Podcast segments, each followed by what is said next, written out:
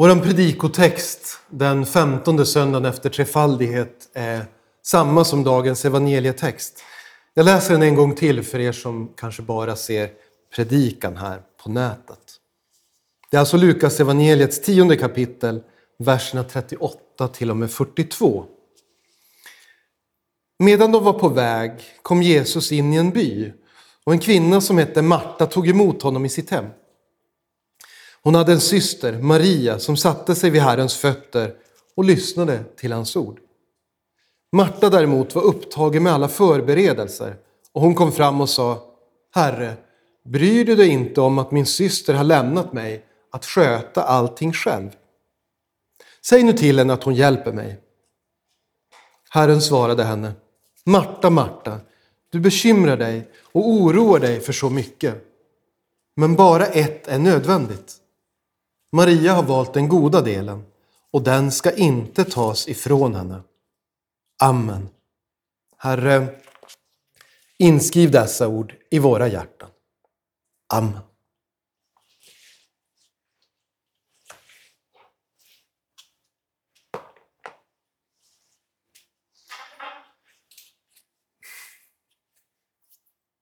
Den här texten om de här två systrarna, Maria och Marta, tror jag att ni har hört eh, många gånger och många predikningar över. Eh, om jag får vara lite personlig så kan jag säga att det är en av de texter som min mamma tycker är svårast att ta till sig i Bibeln. För jag tror att det är en del, absolut inte alla, som känner sig igen sig väldigt mycket i Marta. Man lägger mycket tid och kraft på att fixa för andra och ställa i ordning och förbereda och försöker se till att allting blir bra. Och då känns den här texten som en anklagelse. Är det fel att göra mycket för andra, att tänka på det praktiska, att förbereda, att anstränga sig för att alla ska bli nöjda? Jag vet inte om ni delar den här bilden, men ni som är ungefär lika gamla som jag.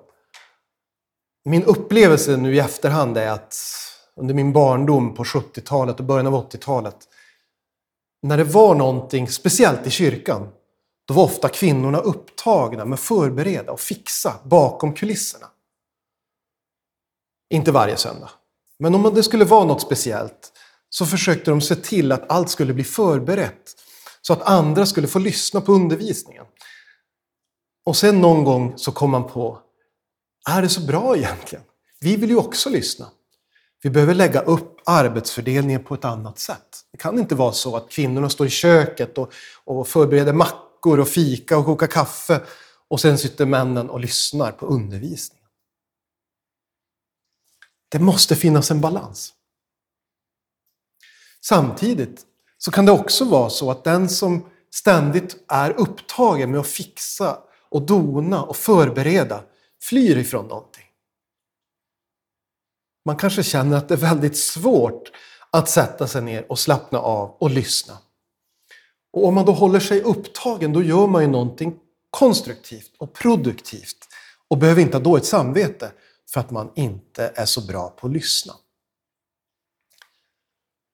Om vi återgår till texten här då, de två systrarna Marta och Maria, så ska vi komma ihåg att snarare än att det här är en allmän undervisning om att de som förbereder och är planerare och praktiskt lagda eh, försummar det viktiga, så handlar det om två personer. Och Jesus ser våra hjärtan.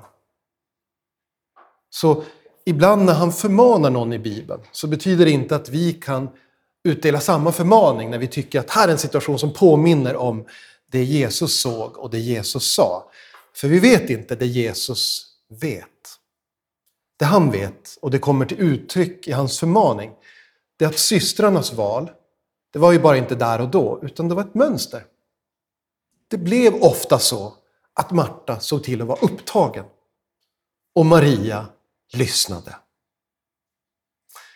Jesus känner ju också våra hjärtan. Det kan ibland kännas negativt. Vissa saker vi tänker, ganska många saker vi tänker, skulle vi helst vilja att ingen annan kände till. Eller hur? Det är alltid läskigt sådana här Jag vet inte om ni har sett sådana filmer när någon är tankeläsare och så hör den personen vad andra tänker. Det blir väldigt snabbt väldigt jobbigt. Man vill inte veta det, helst. Jesus ser vår synd, synden i våra hjärtan. Han vet varför vi gör de val vi gör, även om vi har andra skäl som vi presenterar för andra. Men det faktum att Jesus känner våra tankar och ser in i vårt allra innersta, det är också något positivt och tröstande. Han vet vad vi behöver. Och när han förmanar Marta, då gör han inte det för att sätta henne på plats. Utan han gör det för att han vill hennes bästa. Varför blir Marta tillrättavisad? Hon som är så duktig. Hon arbetar hårt för andras skull. Hon vill se till att hemmet är i ordning. Det står att det är hennes hem, de är systrar. Men det är liksom hon, förmodligen hon stora syster om vi ska gissa. Och hon känner ett ansvar. Hon vill att det ska vara städat. Hon vill att det ska vara fint. Hon vill att säkert maten ska vara förberedd. Det ska finnas dryck. Och på många andra ställen i Bibeln så lyfter Jesus fram tjänandet. Det är att göra saker för andra som någonting väldigt gott. Eller hur? Vi uppmanas till att göra saker för andra. När lärjungarna bråkar där strax innan Jesus ska instifta nattvarden om vem som egentligen ska tvätta de andras fötter. Då säger Jesus, det gör ju jag. Och så lyfter han fram kärnan, att göra de här tråkiga uppgifterna som man kan känna någon annan kanske borde fixa istället. Just de uppgifterna ska ni göra, säger Jesus. Och Paulus, i sina brev så tackar han Gud för de som gör predikan möjlig.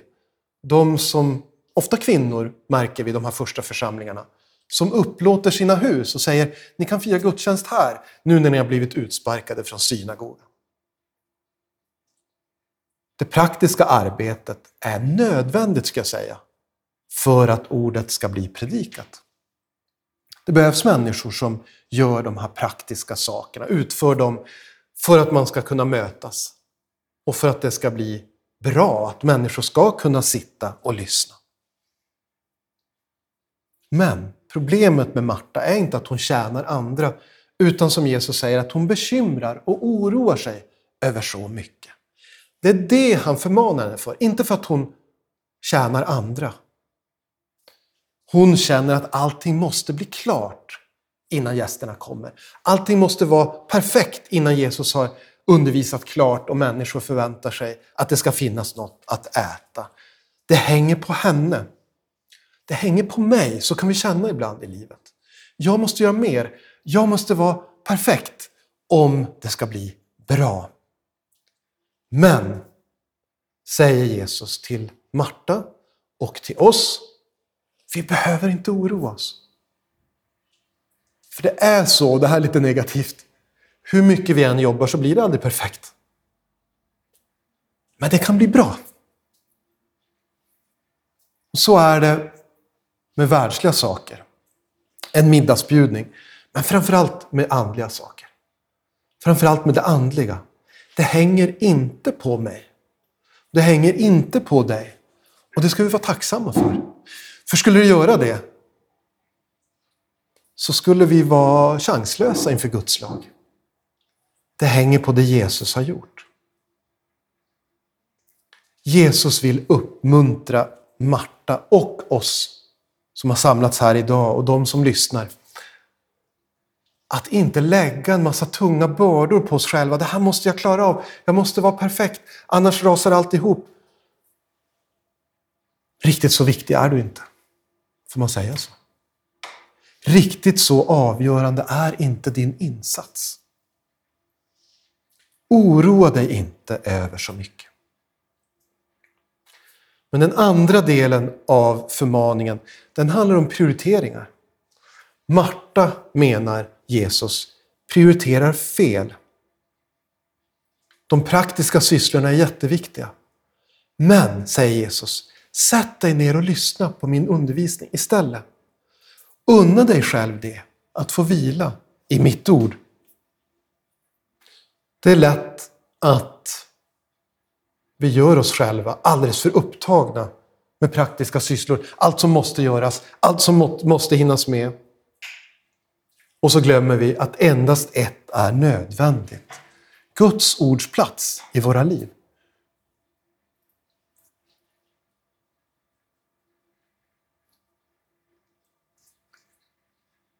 Hur ska vi se på Maria då?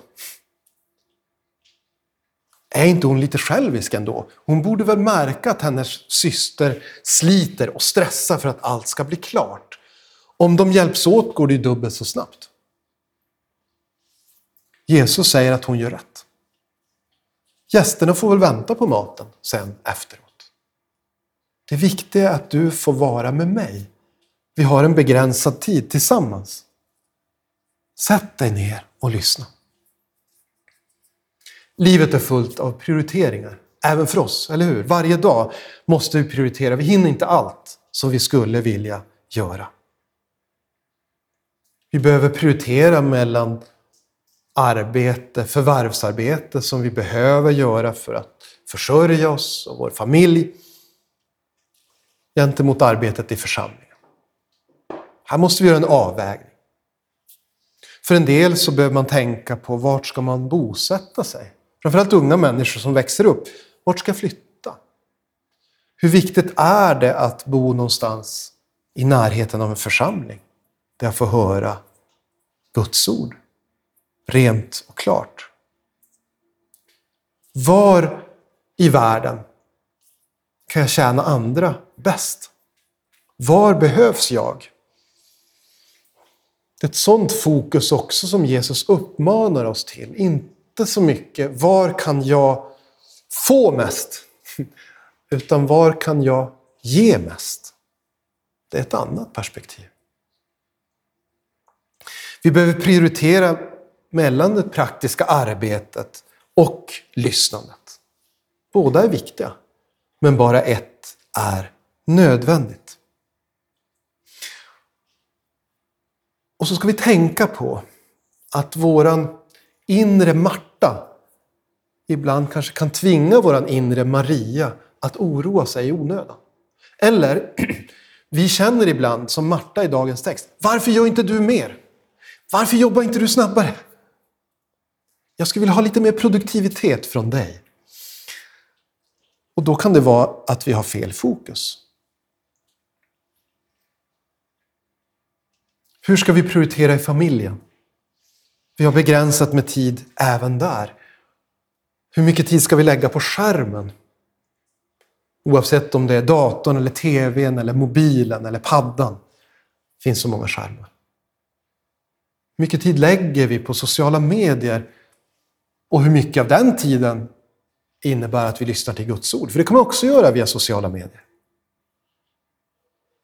Vad gör vi för att växa i tron? Vad gör vi för att komma i kontakt med, med Guds ord så att vi, vi får näring för våra kristna liv? Hur ska vi prioritera när det gäller personlig utveckling? Det är ju ett modeuttryck. Personlig utveckling. PU står det ibland. Personlig utveckling. Är det bara något så här nytt, eh, modernt påfund som är tramsigt? Nej, Jesus talar också om personlig utveckling. Men då handlar det inte främst om eh, olika förmågor som vi ska tillägna oss. Utan då handlar det just om att växa i tro och i kärlek till medmänniskor. Det är också en personlig utveckling. Ibland så kanske någon ställer frågan, det kan vara ett lönesamtal om man har sådana på jobbet. Var ser du dig själv om fem år? Vad vill du jobba med då? Vad vill du ha för ansvarsuppgifter här på jobbet om fem år? En annan fråga som är klurigare att svara på är, hur ser du dig själv om fem år? Vem är du då? Du är fortfarande ett återlöst Guds barn. Men har du växt i tron? Och hur kommer du dit i så fall?